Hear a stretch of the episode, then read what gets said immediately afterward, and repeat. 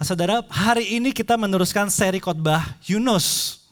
Seri khotbah Yunus, saudara-saudara. Yunus adalah cerita yang sangat familiar ya, saudara-saudara. Uh, mungkin dari kecil, mungkin dari bayi pun kita sudah ceritakan tentang Yunus, saudara-saudara. Dan biasanya tuh cerita Yunus apa yang yang paling menempel di otak kita? Yang paling nonjol apa kira-kira? Kok nggak ada yang mau-mau ini? Ada. Ikan, yes. Ada ikan yang besar itu yang paling nonjol ya. Bukan ikan paus ya, tolong diperhatikan karena ayat itu tidak berkata ikan paus saudara-saudara. Hanya ikan yang besar. Ya, tapi cerita cerita Yunus ini tuh lebih daripada tentang cerita tentang ikan yang besar saudara-saudara. Cerita Yunus itu lebih juga dari daripada tentang kota yang besar ke mana si Yunus itu sedang diutus. Lebih daripada itu ya saudara-saudara. Tapi cerita Yunus itu tentang Tuhan yang besar, saudara-saudara. Tentang Tuhan yang besar. Saudara, mari saya mengundang untuk membuka Alkitab saudara ke Yunus 3. Dan ini penting sekali untuk saudara membuka ayat Alkitab kepada Yunus 3. Uh, kenapa? Karena saya mau saudara sendiri bisa melihat kekayaan dan kuasa firman Tuhan dan mencicipi sendiri betapa manisnya firman Tuhan ini. Yuk, mari kita buka Alkitab kita pada Yunus 3. Saya akan bacakan dalam bahasa Indonesia dan slide akan menampilkan bahasa Inggrisnya ya. Nah sambil saudara mencari kitab Yunus di mana, saya recap sedikit ya. Yunus adalah seorang nabi. Nabi ya. Dan ini nabi yang beneran saudara, ini bukan dongeng. Tapi ada benar ada di dalam sejarah saudara-saudara. Dan apa tugas nabi? Tugas nabi itu apa? Tugas Nabi adalah menyampaikan pesan Allah kepada orang, terutama kepada bangsa pilihan Tuhan yaitu bangsa Israel, saudara-saudara. Tapi kadang-kadang Tuhan bisa memanggil nabinya itu untuk pergi menyampaikan pesan kepada bangsa yang lain. Ya, dan inilah yang terjadi kepada Yunus, saudara-saudara. Tuhan memanggil Yunus untuk pergi ke Niniwe. Lalu pertanyaan berikutnya, Niniwe itu kota apa? Niniwe adalah ibu kota, saudara-saudara, ibu kota dari bangsa Asyur, Assyrians ya. Dan bangsa Asyur ini adalah musuh dari bangsa Israel. Musuh dari bangsa Israel. Mereka adalah bangsa yang sangat besar dan juga mereka adalah bangsa yang sangat uh, kuasa militernya itu sangat kuat saudara-saudara.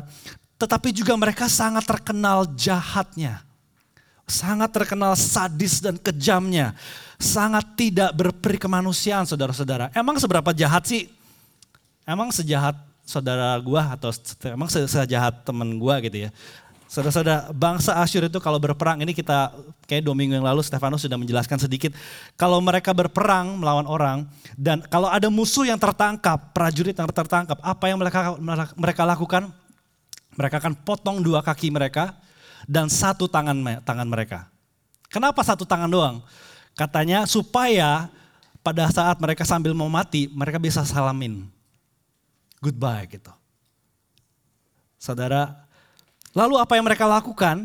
Mereka nanti akan penggal kepala mereka lalu dipasang di atas uh, tombak dan mereka akan membawa itu untuk menyerang eh, desa-desa dan rumah-rumah supaya apa saudara-saudara? Supaya istri, anak-anak, keluarganya bisa melihat kepalanya, suami atau papanya atau keluarga saudaranya ini pada saat mereka sedang menjarah dan menyerang desa itu.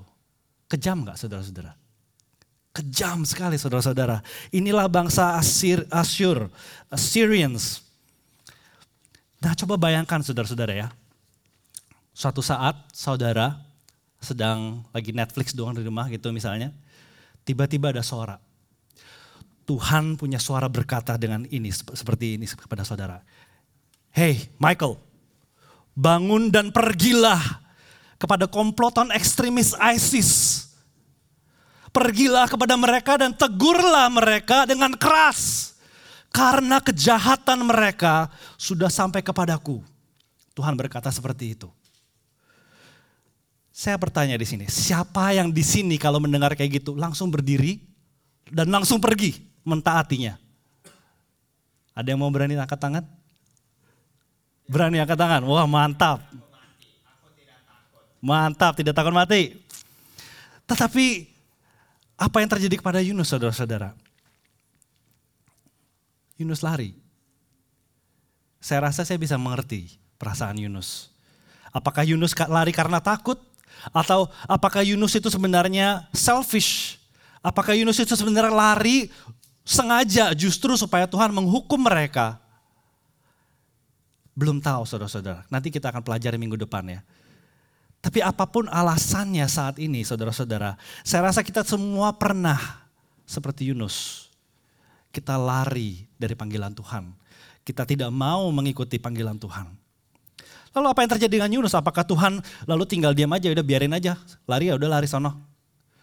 Tidak saudara-saudara, Tuhan mengejar Yunus. Kita sudah belajar dua minggu, dua minggu lalu. Tuhan mengejar Yunus, mendatangkan badai yang besar sehingga para pelaut dan seisi kapal di mana Yunus berada itu sangat takut. Akhirnya setelah ketahuan, oh ini semuanya gara-gara si Yunus ini, sampai akhirnya yaudah dibuang keluar. Karena Yunus bilang, buang saya keluar nanti akan reda semuanya. Lalu dibuang keluar dan seketika itu juga badai itu langsung surut saudara-saudara. Dan ini membuat seisi kapal itu semuanya langsung sangat takut.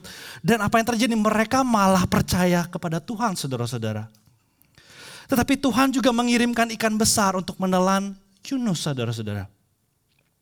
Dan di, ternyata di dalam perut ikan itu Yunus tetap masih hidup dan di sanalah Tuhan memberikan Yunus waktu selama tiga hari dan tiga malam di dalam perut ikan untuk merenungkan berhadapan dengan realita dosanya sendiri akibat dari kekerasan hatinya, akibat daripada ketidaksetiaannya. Dia berhadapan dengan itu. Dan Tuhan in a way itu memakai ikan besar ini itu menjadi satu alat bagi dia untuk membawa Yunus kembali memulihkan Yunus kepada jalan dan panggilan Tuhan. Dan doa Yunus yang kita pelajari minggu lalu saudara-saudara itu menunjukkan perubahan hati Yunus. Di mana Yunus mulai sadar dan berbalik kepada Tuhan. Dan pada akhirnya Tuhan memerintahkan uh, ikan ini untuk memuntahkan Yunus untuk kembali ke daratan kembali saudara-saudara. Dan sekarang kita masuk ke dalam Yunus 3. Yunus 3 ayat 1 saya bacakan sampai 10. Datanglah firman Tuhan kepada Yunus untuk kedua kalinya. Demikian. Bangunlah, pergilah ke Niniwe, kota yang besar itu, dan sampaikanlah kepadanya seruan yang kufirmankan kepadamu. Bersiaplah Yunus lalu pergi ke Niniwe sesuai dengan firman Allah. Niniwe adalah sebuah kota yang mengagumkan besarnya. Tiga hari perjalanan luasnya. Mulailah Yunus masuk ke dalam kota itu sehari perjalanan jauhnya. Lalu berseru, empat puluh hari lagi, bahkan Niniwe akan ditunggang balikan. Orang Niniwe percaya kepada Allah. Lalu mereka mengumumkan puasa dan mereka baik orang dewasa maupun anak-anak mengenakan kain kabung. Setelah sampai kabar itu kepada raja kota Niniwe, turunlah ia dari singgasananya. Ditanggalkannya jubahnya, diselubungkannya kain kabung, lalu duduk di atas abu. Lalu atas perintah raja dan para pembesarnya, orang memaklumkan dan mengatakan di Niniwe demikian. Manusia dan ternak, lembu, sapi, dan kambing domba tidak boleh makan apa-apa. Tidak boleh makan rumput dan tidak boleh minum air. Haruslah semua manusia dan ternak berselubung kain kabung dan berseru dengan keras kepada Allah serta haruslah masing-masing berbalik dari tingkah lakunya yang jahat dan dari kekerasan yang dilakukannya. Siapa tahu mungkin Allah akan berbalik dan menyesal serta berpaling dari murkanya yang menyala-nyala itu sehingga kita tidak binasa. Ketika Allah melihat perbuatan mereka itu, yakni bagaimana mereka berbalik dari tingkah lakunya yang jahat, maka menyesalah Allah karena malapetaka yang telah dirancangkan dirancangkannya terhadap mereka. Dan ia pun tidak jadi melakukannya. Saudara, dari ayat yang tadi kita baca, saya mau kita memperhatikan ada satu kata yang sangat penting untuk bagaimana kita bisa melihat, mengerti cerita yang kita baca ini. Kata tersebut adalah kata overturned atau ditunggang balikan. Ditunggang balikan. Coba perhatikan ayat 4 saudara-saudara. Ditunggang balikan itu boleh digaris bawahi. Kata ini saudara-saudara adalah uh, kata ditunggang ini sebenarnya uh, terjemahannya tuh cukup akurat, cukup bagus saudara-saudara ya dalam bahasa Indonesia-nya. Kata aslinya dalam bahasa Ibrani itu adalah hapak. Yang memang mempunyai dua arti saudara-saudara. Arti yang pertama adalah hancur.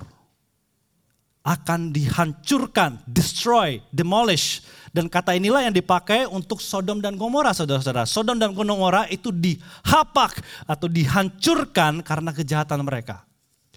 Tapi arti yang kedua adalah yaitu diputar balikan, ya tunggang balik ya. Turn over, overturn, turn over. Dibawa kepada pertobatan artinya saudara-saudara. Dibawa kepada repentance. Diubahkan karena berbalik 180 derajat kepada Tuhan. Itu adalah arti yang kedua saudara-saudara. Dan di dalam ayat ini, satu kata ini, itu membawa dua arti ini bersamaan saudara-saudara. Sangat hebat saudara-saudara. Sini sangat kaya. Karena apa saudara-saudara? Di satu sisi pada saat orang Niniwe mendengar akan ditunggang balikan. Langsung mereka langsung memikirkannya adalah destroy. Akan dihancurkan saudara-saudara. Tetapi dari sisi Allah, Allah sengaja memakai kata ini ditunggang balikan untuk memberikan suatu hint, tanda bahwa adanya kemungkinan di mana Tuhan akan berbelas kasihan, mengampuni kalau mereka mau bertobat dan berbalik kepada Allah. Hebat ya. Ini kaya sekali firman Tuhan ini saudara-saudara. Jadi jadi sebenarnya pada akhirnya orang Niniwe itu benar-benar overturn saudara-saudara. Ditunggang balikan. Yaitu mereka berbalik, bertobat, ditunggang balikan dari jalan mereka yang jahat dan percaya kepada Tuhan. Dan ini bahasa kerennya itu adalah ya kebangkitan rohani. Kebangkitan rohani terjadi, perubahan radikal terjadi. Mereka berubah 180 derajat saudara-saudara. Oh betapa dunia ini yang di mana kita tinggal membutuhkan kebangkitan rohani seperti ini saudara-saudara membutuhkan pemulihan rohani seperti ini saudara-saudara. Dan sebagai umat Kristen, seharusnya lah kita menginginkan hal ini terjadi di dalam dunia. Di orang sekitar kita, di gereja ini, dan di seluruh semua bangsa. Setuju? Saya berdoa supaya Tuhan mengubah hati kita hari demi hari seperti hati Tuhan. Supaya kita menginginkan apa yang Tuhan inginkan. Dan saudara jadi kita dari perikop ini saya mengajak kita untuk belajar bagaimana Tuhan bekerja mendatangkan kebangkitan rohani kepada kota Niniwe. How can our world be overturned? Bagaimana dunia ini bisa dapat diubahkan, di overturn bagi Tuhan? Kita belajar dari case ini, saudara-saudara, study case ini, supaya kita bisa mendoakan dan berpartisipasi dengan Tuhan untuk overturn dunia kita. Yang pertama, saudara-saudara, kebangkitan rohani itu terjadi karena Tuhan mempunyai great compassion, belas kasih sayang yang besar terhadap semua orang. Seperti yang kita tadi sudah bahas sedikit, bangsa Asyur adalah bangsa yang bejat, jahat, sadis, kejam sekali saudara-saudara ya. Kalau saya yang jadi Tuhan, saya bisa bayangkan saya tidak akan beri mereka kesempatan sama sekali. Saya tidak, saya pasti langsung, udah langsung hukum aja. Jatuhkan meteor gitu, jer, habis, udah beres. Gak perlu kirim-kirim Yunus lagi. Gak perlu kirim-kirim Nabi kasih tahu mereka. Kan itu kan kasih kesempatan kan. Gak perlu lagi saudara-saudara kalau saya jadi Tuhan ya. Untungnya bukan saya Tuhan. Dan kalau Tuhan langsung menghukum mereka pun apakah itu tidak wajar? Itu wajar saudara-saudara. Karena Tuhan kita adalah Tuhan yang adil. Dan mereka telah melakukan kejahatan yang begitu keji. Jika Tuhan langsung menghukum mereka, itu adalah hal yang adil, wajar saja, layak. Tetapi kalau kita perhatikan ayat 3 saudara-saudara, 3. Di sana ada perkataan Niniwe adalah sebuah kota yang mengagumkan besarnya. Mengagumkan besarnya ya. Di dalam bahasa aslinya, di dalam bahasa Ibrani-nya sebenarnya ada dua kata yang penting di sana tapi tidak diterjemahkan ke dalam bahasa Indonesia dan bahasa Inggris. Sebenarnya saudara-saudara, literalnya kalimat itu terbunyinya seperti ini. Kota Niniwe adalah sebuah kota yang besar atau penting bagi Tuhan. Bagi Tuhan saudara-saudara. Ini adalah hal yang surprising bukan? Ini adalah satu hal yang mind blowing saudara-saudara. Kenapa? Bagaimana mungkin bagi bangsa dan kota yang begitu jahat itu dianggap penting bagi Tuhan. Dianggap penting bagi Tuhan. Begitu pentingnya bagi Tuhan sehingga Tuhan mengirimkan nabinya Yunus kepada mereka dan memberitakan kepada mereka supaya mereka mendapatkan kesempatan untuk bertobat dan berbalik kepada Tuhan. Dan kita lihat ayat 10 saudara-saudara. Apa yang Tuhan lakukan setelah melihat. Ketika Allah melihat perbuatan mereka itu, yakni bagaimana mereka berbalik dari tingkah lakunya yang jahat. Maka menyesalah Allah karena malah petaka yang telah dirancangkannya terhadap mereka. Dan ia pun tidak jadi melakukannya. Saudara kata menyesal di sana itu jangan diartikan bahwa seperti Tuhan tuh merasa bersalah ya. Karena Tuhan memang tidak bersalah saudara-saudara. Arti kata menyesal di sana itu lebih seperti berbelas kasih, to have mercy on, atau uh, to feel sorry, to feel pity for them. Suatu perasaan kasihan kepada mereka. Dan jadi bahasa Inggrisnya relent, he relented and did not bring on them the destruction he had threatened, itu lebih pas saudara-saudara ya. Relent, dia berbelas kasih dan tidak jadi menjatuhkan hukuman kepada mereka. Dan di sinilah saudara-saudara kita temukan isi hati Tuhan. Tuhan ingin membawa orang-orang yang jauh daripadanya untuk kembali dekat dengannya. Sejahat-jahatnya Niniwe, Sebobrok-bobroknya mereka, sekejam-kejamnya mereka, Tuhan masih menganggap mereka penting. Tuhan mempunyai belas kasihan kepada mereka dan ingin membawa mereka yang jauh ini untuk berbalik dari jalan mereka yang jahat itu dan kembali mendekat dan percaya kepadanya saudara-saudara. Jadi saudara kalau kalau kepada bangsa yang jahat seperti ini saja Tuhan berbelas kasihan, Tuhan menganggap penting, maka Tuhan akan berbelas kasihan kepada siapa pun. Siapa saja yang mau bertobat dan percaya kepadanya, Tuhan akan berbelas kasihan kepadanya. Tuhan menginginkan, menginginkan semua orang semua orang, maksud saya benar-benar semua orang. Dan maksud Tuhan adalah semua orang, termasuk yang paling bejat pun, ya termasuk orang yang paling jahat pun di dalam dunia ini. Tuhan ingin semuanya, termasuk saudara dan saya, untuk meninggalkan cara hidup kita yang lama. Berbalik dan percaya kepada dia. Saudara seberapa sering kita begitu cepat menghakimi orang lain. Seakan-akan mereka sudah di luar jangkau belas kasih Allah. Seakan-akan mereka sudah tidak mungkin lagi Tuhan kasihi. Mungkin kita sudah pernah langsung menyumpah lebih baik mati aja udah sono orang itu. Lebih baik mereka langsung dihukum mati saja.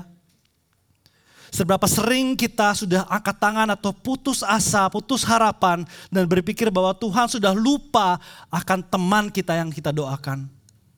Atau saudara kita, atau orang tua kita, atau anak kita yang jauh dari Tuhan. Seberapa sering kita pikir Tuhan sudah lupa akan mereka. Apakah saudara sudah stop mendoakan teman, saudara, orang tua, anak, siapa pun. biarlah kita belajar dan melihat dari Yunus 3 ini, hati Tuhan. Ia mengingat, dia tidak lupakan, dia mengingat orang-orang yang jauh dari dia.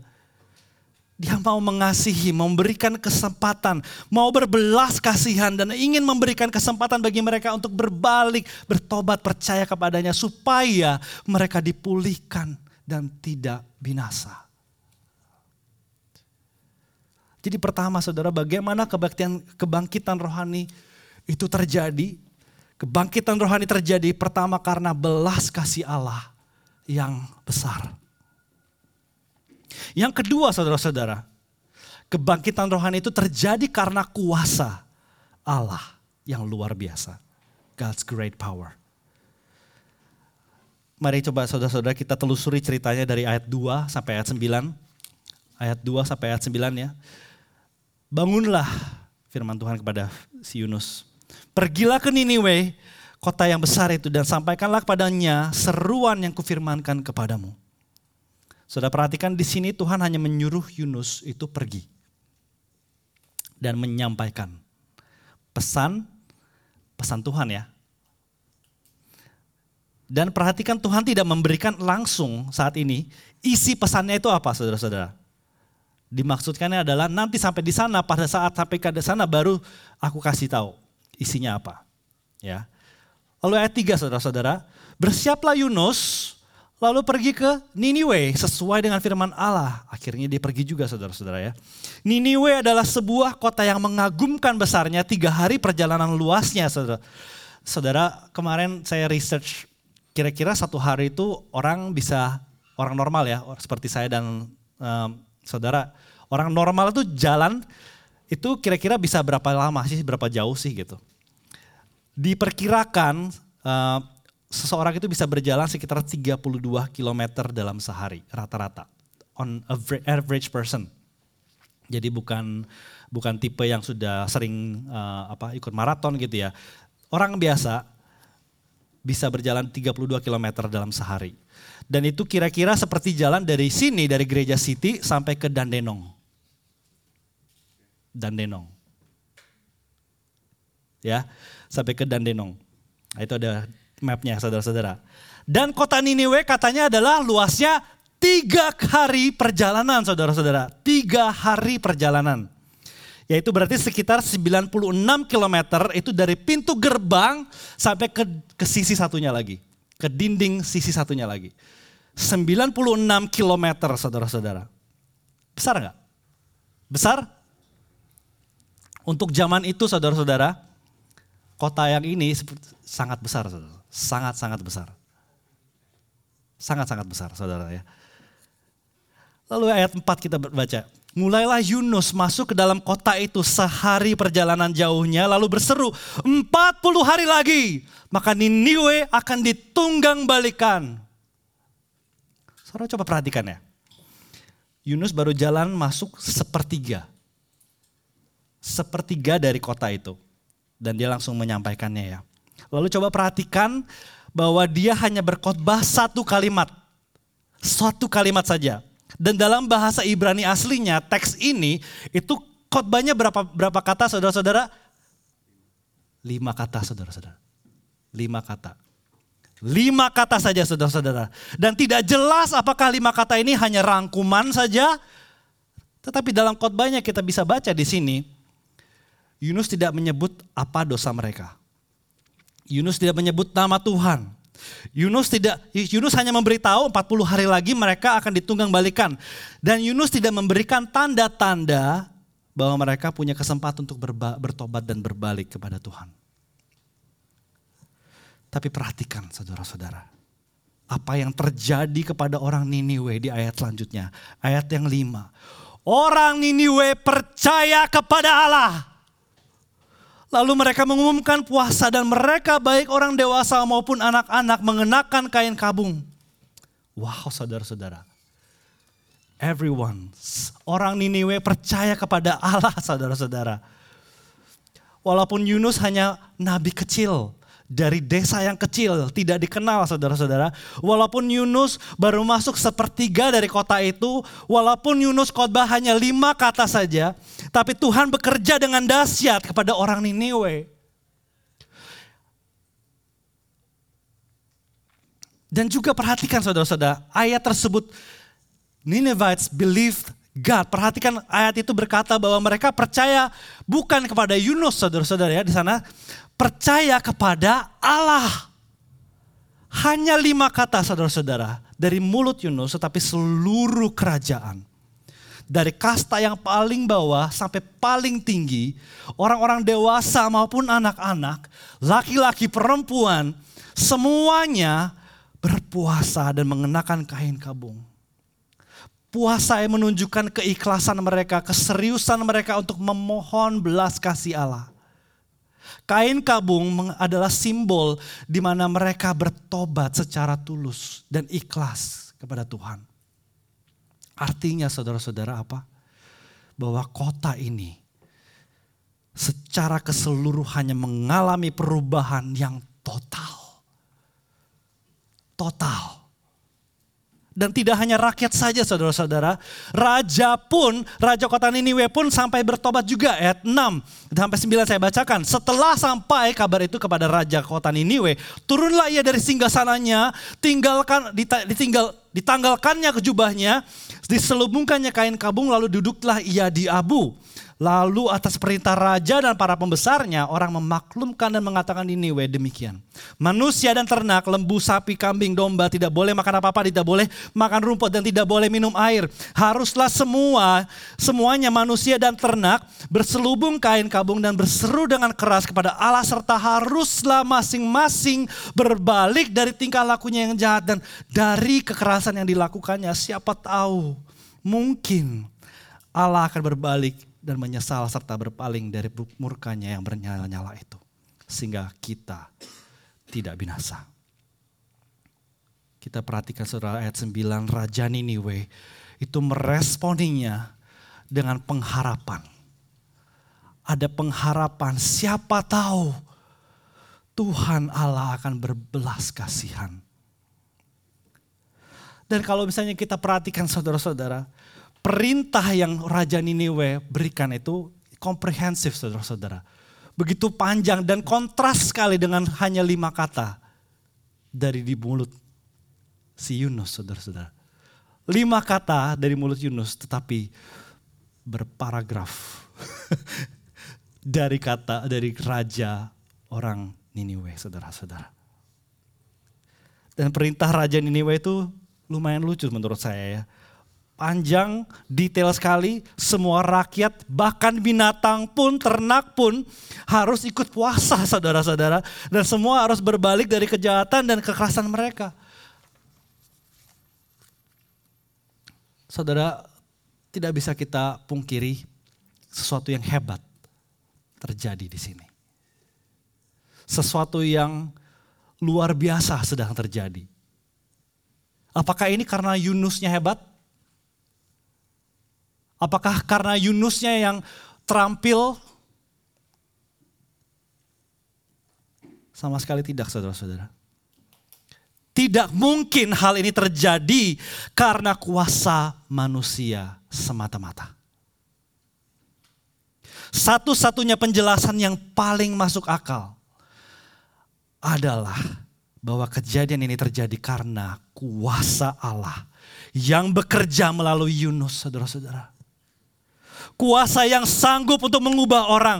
Kuasa yang yang sanggup untuk membawa orang yang jauh untuk mendekat dengan dia. Kuasa yang hebat untuk memulihkan orang. Kuasa yang dapat memberikan iman untuk percaya kepada dia. Sebesar-besarnya Niniwe. Sekuat-kuatnya Niniwe. Mereka disadarkan akan Allah yang jauh, jauh lebih besar daripada mereka. Jauh lebih berkuasa daripada mereka. Dan inilah Tuhan yang kita percaya saudara-saudara. Tuhan kita tidak cuman punya belas kasih yang besar kepada orang-orang yang jauh kepadanya. Tapi Tuhan kita juga mempunyai, memiliki dan dapat mempunyai kuasa yang luar biasa untuk membawa mereka kembali kepadanya. Saudara, pernahkah saudara merasa enggan untuk menjangkau orang bagi Tuhan? Pernahkah saudara merasa tidak mampu, tidak skillful enough, tidak cukup dilengkapi? Saudara mungkin takut untuk menyinggung perasaan orang yang kita injili. Pernahkah saudara merasa takut bahwa apa yang saudara lakukan, katakan itu akan merusak hubungan? Saudara, saya percaya Tuhan tuh sudah menempatkan kita di tempat kita masing-masing, di tempat pekerjaan kita, di kalangan persahabatan, mungkin yang ibu-ibu atau teman-teman Eh, bapak-bapak juga ada teman-teman mainnya. Lalu yang mahasiswa di tempat kita kuliah, teman-teman kuliah kita, kita ditempatkan di sana itu bukan suatu kebetulan. Tapi sengaja Tuhan tempatkan kita di sana. Supaya kita, dan Tuhan memanggil kita supaya kita setia dan taat kepadanya dan menyampaikan apa yang Tuhan katakan. Tugas kita, saudara-saudara, seperti Yunus adalah setia dan taat menyampaikan yang Tuhan katakan. Dan bukanlah kehebatan kita. Bukanlah kehebatan atau keterampilan kita yang berkuasa, saudara-saudara. Bukanlah kompetensi kita saja yang akan membawa perubahan, saudara-saudara. Kasih dan kuasa Tuhanlah yang akan membawa perubahan dan pemulihan. Tuhan kita adalah Tuhan yang sanggup mengubah dan memulihkan, membawa yang jauh untuk kembali dekat dengannya. Tugas kita hanyalah taat dan setia. Yunus tidak tidak bebas untuk mengatakan apa saja yang dia mau. Yunus tidak bebas untuk mengatakan apa yang kota Niniwe ingin dengar. Yunus bertugas untuk setia dan taat menyampaikan apa pun yang Tuhan katakan. Dan hanya yang Tuhan katakan tidak boleh ditambah-tambah oleh Tuhan oleh Yunus. Dan in the same way saudara-saudara siapa pun yang berdiri di depan sebagai pengkhotbah termasuk diri saya sendiri harus tunduk dan setia di bawah otoritas firman Tuhan. Tugas saya hanya menyampaikan pesan yang sudah Tuhan muat di dalam firman Tuhan ini, ayat Alkitab. Saudara bagaimana kebangkitan rohani terjadi? Yang pertama tadi kita pelajari, terjadi karena belas kasih Allah yang hebat, yang besar. Yang kedua adalah kebangkitan rohani terjadi karena kuasa Allah yang luar biasa, yang sanggup untuk mengubah dan memulihkan. Yang ketiga saudara-saudara, kebangkitan rohani terjadi karena Tuhan mengirim orang-orang yang diselamatkannya. Ayat 1 kita baca. Datanglah firman Tuhan kepada Yunus untuk kedua kalinya. Coba let's take a moment. Kita coba ambil sejenak memikirkan. Inilah satu hal yang luar biasa saudara-saudara. Inilah satu hal yang mind blowing besar ini saudara-saudara. Kita ingat saudara, track record, sejarahnya Yunus itu tidak bagus saudara-saudara. Dia bukan nabi yang setia, dia nabi yang telah melarikan diri. Dia adalah nabi yang bilang, udah lempar gua aja ke laut. Dia sengaja ingin mati saudara-saudara. Demi apa? supaya tidak usah mentaati panggilan Tuhan saudara-saudara. Inilah Nabi Yunus. Inilah Nabi Yunus yang tidak setia ini saudara-saudara. Tapi anugerah Tuhan itu kekeh mengejar Yunus, menyelamatkan dia, mengembalikan dia ke darat dengan ikan yang besar, mengembalikan dia. Seharusnya dia mati saudara-saudara. Tapi Tuhan boleh dibilang di sini sudah membangkitkan Yunus dari kematian. dia diberikan permulaan yang baru. A new beginning, a fresh start, a new life, hidup yang baru saudara-saudara. Karena kalau saudara perhatikan ayat ini ya, saudara perhatikan ayat ini. Apakah ada Tuhan menyinggung, mengungkit-ungkit masa lalu? Apakah ada Tuhan menyindir? Eh itu jangan gak setia lagi ya kayak dulu. Apakah ada Tuhan seperti kayak gitu saudara-saudara? Tuhan bahkan tidak menyindir atau menegur Yunus di sini. Dan Tuhan tetap memilih dia dan memberikan dia kesempatan yang baru untuk dipakai oleh Tuhan bagi tujuannya yang besar. Firman Tuhan datang kedua kalinya. Apakah karena Yunusnya layak? Tidak sama sekali saudara-saudara. Yunus tidak layak. Bukan karena Yunusnya yang layak, tetapi karena kasih anugerah Tuhan kita yang persistent. Kekah, teguh, luar biasa, mengejar kita. Dan saudara, Tuhan terlebih dahulu menunggang balikan Yunus. Perhatikan ya, Tuhan terlebih dahulu menunggang balikan Yunus supaya hidup yang baru Yunus dipakai untuk penunggang balikan Niniwe. In other words, saudara-saudara, keselamatan Yunus dimaksudkan Tuhan untuk mendatangkan keselamatan bagi orang Niniwe.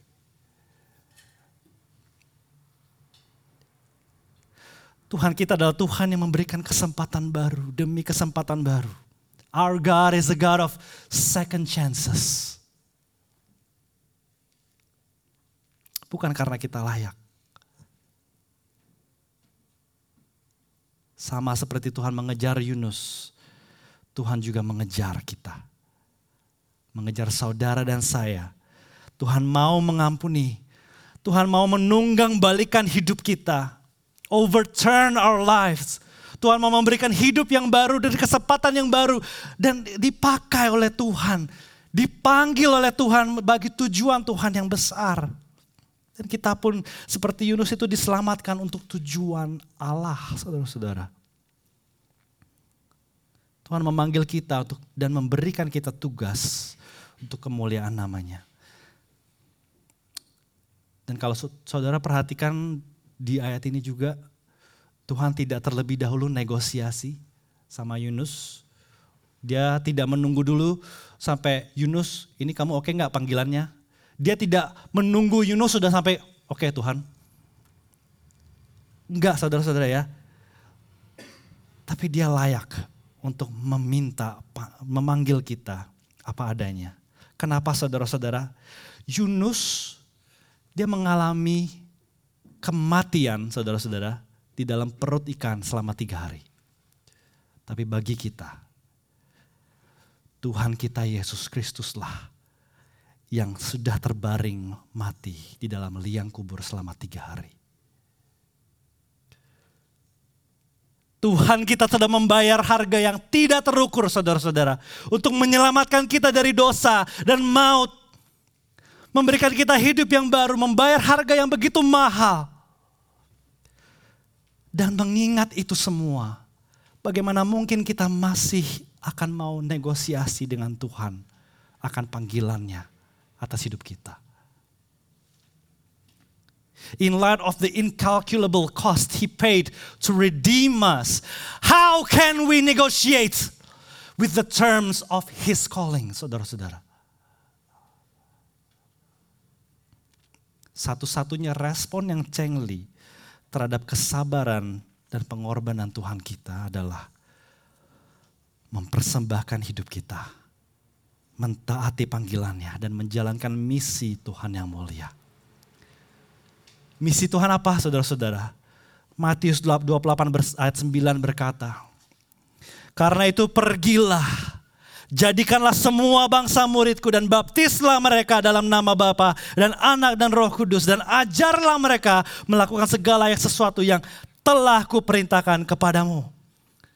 Dan ketahuilah bahwa aku menyertai kamu senantiasa sampai kepada akhir zaman. Saudara saya baca ini banyak kesamaannya saudara-saudara. Tuhan berkata kepada Yunus, pergilah. Di sini berkata, pergilah. Yunus berkata, Tuhan berkata pada Yunus, sampaikanlah apa yang kukatakan. Dan di sini kita diajar, di, di, disuruh untuk mengajar segala yang telah diperintahkan oleh Tuhan. Saudara-saudara, dan untuk misi inilah gereja kita ada.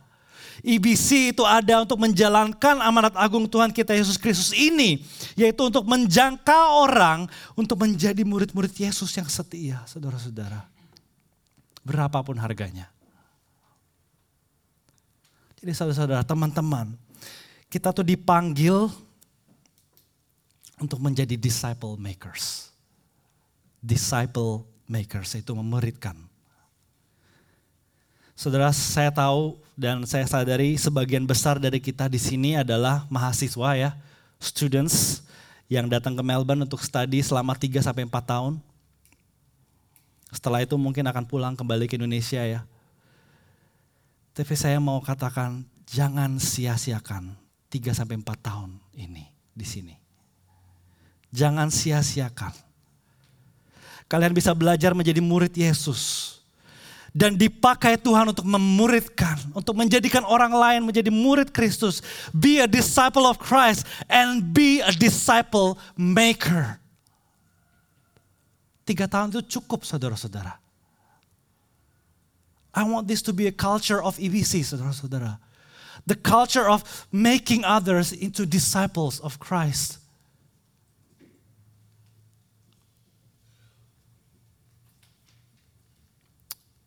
Make your three to four years in Melbourne count for Jesus. Dan setelah nanti kembali ke Indonesia, teruskanlah panggilan Tuhan ini di Indonesia, di dalam hidup kalian di Indonesia. Jadikanlah semua orang di sekitar kalian itu murid-murid Kristus bagi kemuliaan Dia. Jangan sia-siakan kesempatan-kesempatan yang Tuhan berikan untuk menyampaikan pesan Tuhan, kasih Tuhan, kuasa Tuhan. Dan saudara-saudara, momen-momen saat inilah, saat-saat tegang seperti adanya coronavirus inilah, sebenarnya di mana dunia itu mulai aware. Mulai sadar saudara-saudara. Mereka mulai merasa tegang. Mereka merasa disadarkan akan how fragile this life is. Bagaimana rapuhnya hidup ini. Mereka sadar mereka butuh pengharapan yang lebih pasti. Tapi saudara Roma 10 mengingatkan kita. Roma 10 berkata, ayat 14. Tapi bagaimana mereka dapat berseru kepadanya, kepada Tuhan kita, jika mereka tidak percaya kepada dia. Bagaimana mereka dapat percaya kepada dia, jika mereka tidak mendengar tentang dia.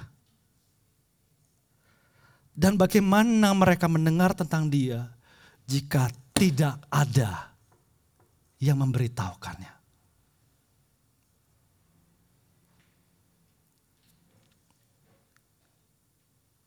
Bagaimana? Inilah saatnya saudara-saudara, di mana kita sebagai umat Kristen tidak tinggal diam di dalam comfort zone kita. Tempat duduk kita yang empuk, yang nyaman, Inilah saatnya di mana kita diutus saudara-saudara. Kita yang sudah ditebus oleh Tuhan dengan darahnya yang mahal. Kita dipanggil untuk taat dan setia menyampaikan Injil kabar Yesus Kristus. Roma 10 ayat 17 berkata, jadi iman timbul dari pendengaran dan pendengaran oleh firman Kristus. Kita menerima panggilan yang sangat mulia saudara-saudara untuk membawa berit, kabar berita yang baik Yesus Kristus ini kepada dunia. Supaya mereka dapat percaya kepada Tuhan.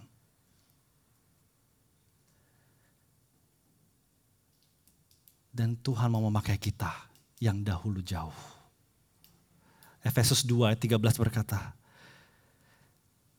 tapi sekarang di dalam Kristus Yesus kamu yang dahulu jauh sudah menjadi dekat oleh darah Kristus. Supaya apa saudara-saudara? Bukan supaya kita bisa goyang-goyang kaki saja tunggu sampai Tuhan datang. Tapi supaya hidup kita dipakai untuk membawa orang lain yang jauh mendekat kepadanya.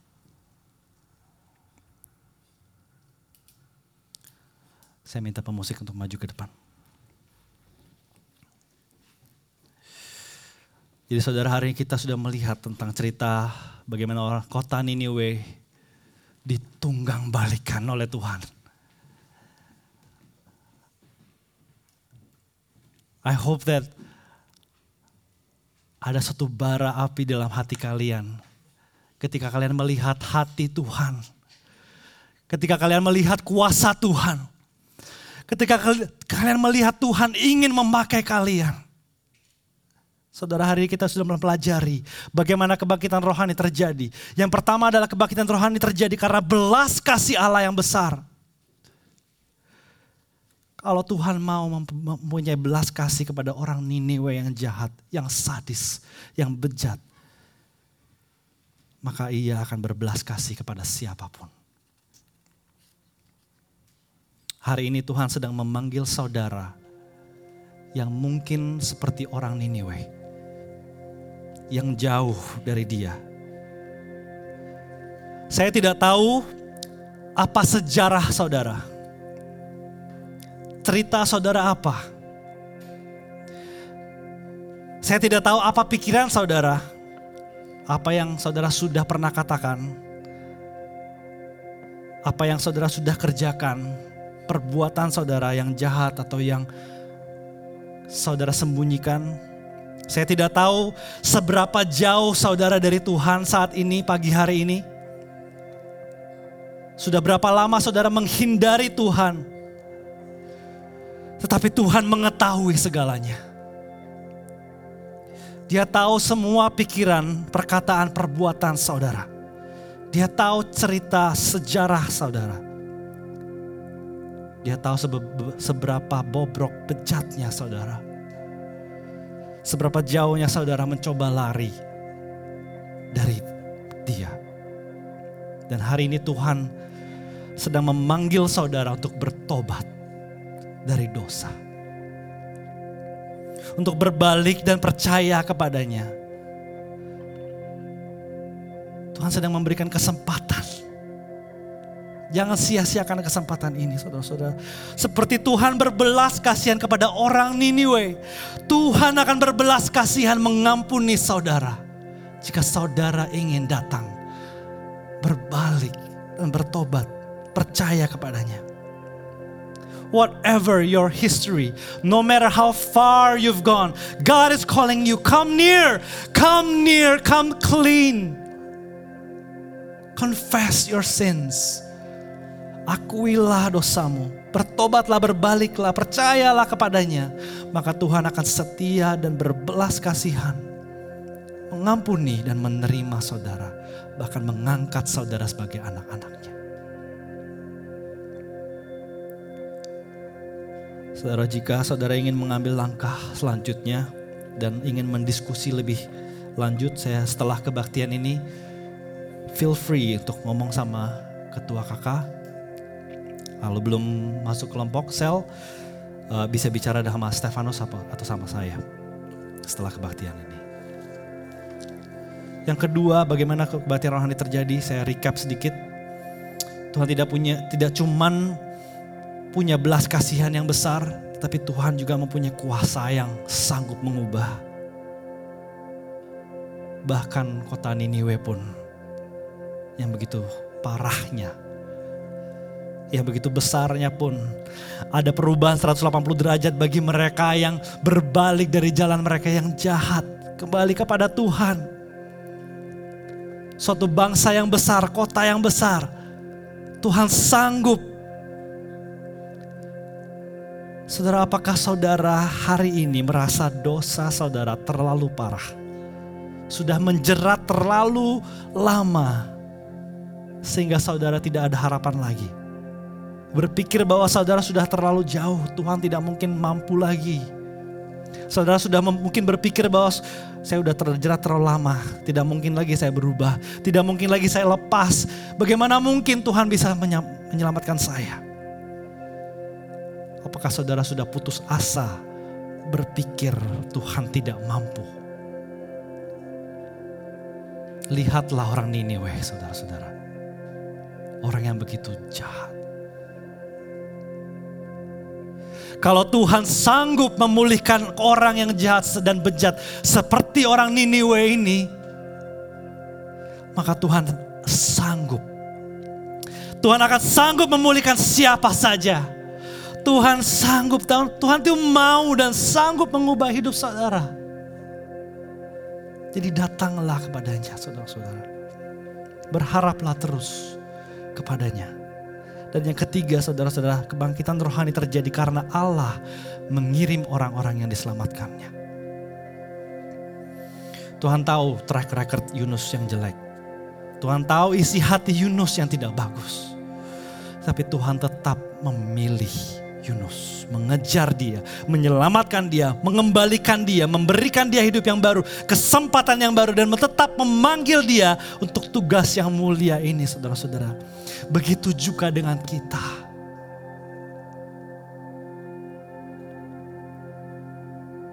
Dia tahu cerita kita. Dia tahu track record kita, ketidaksetiaan kita. Dia tahu isi hati kita yang sesungguhnya.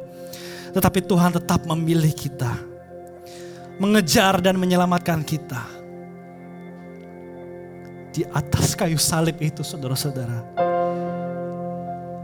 Yesus telah membayar dan menebus kita. Supaya kita bebas dari jerat dosa dan maut. Dan kita memperoleh hidup yang baru, kesempatan yang baru. Dan dia memanggil, memanggil setiap daripada kita saudara-saudara. Dan ingin mengirim kita ke dalam dunia dengan misinya yang besar kepada orang-orang. Supaya yang jauh bisa mendekat dengan dia. Jadi saudara mari in light of the mercies of God. Kita berserah dan kita taati, kita ikuti panggilan Tuhan. Supaya bangsa-bangsa dapat diselamatkan bagi nama Tuhan kita Yesus Kristus. Amin. Tuhan inilah hidup dan doa kami ya Tuhan. Tuhan Engkau telah menunjukkan belas kasihanmu yang besar kepada kami. Kepada bangsa Niniwe pun engkau telah berbelas kasihan dan kuasamu Tuhan. Kuasamu sanggup mengubah ya Tuhan. Orang yang jauh memanggil mereka untuk mendekat kepadamu ya Tuhan. Jika orang Niniwe pun kau ubahkan ya Tuhan. Engkau sanggup mengubah siapa pun. Tiada yang mustahil bagi engkau Tuhan. Engkau terus mengubah kami dan Engkau terus menyempurnakan kami. Dan Engkau telah menebus kami dengan darah yang mahal sekarang kami milik Engkau Tuhan. Jadi pakailah hidup kami. Pakailah ya Tuhan hidup kami. Menjadi saksimu di tengah-tengah masyarakat di mana kami hidup. Di mana kami bergaul saudara ya Tuhan saudara-saudara kami, keluarga kami, teman-teman kami. Pakailah kami untuk taat menyampaikan firman Kristus. Supaya mereka yang jauh bisa berbalik dari jalan mereka. Dan dapat percaya kepada engkau, berbalik kepada engkau, kita mendekat kepada engkau. Sehingga namamu saja ya Tuhan yang dipermuliakan, ditinggikan seluruh bumi ini. Terima kasih Tuhan Yesus untuk firman-Mu yang berkuasa ini. Yang begitu berkuasa, yang begitu indah, begitu manisnya ya Tuhan. Terima kasih ya Tuhan. Berikanlah firman-Mu terus tertanam dalam hati kami. Terngiang-kiang setiap harinya sehingga kami ingat ya Tuhan bahwa kami mempunyai misi Terima kasih Tuhan Yesus. Di dalam nama Tuhan Yesus Kristus kami telah berdoa dan ucap syukur. Sama-sama kita katakan amin, amin.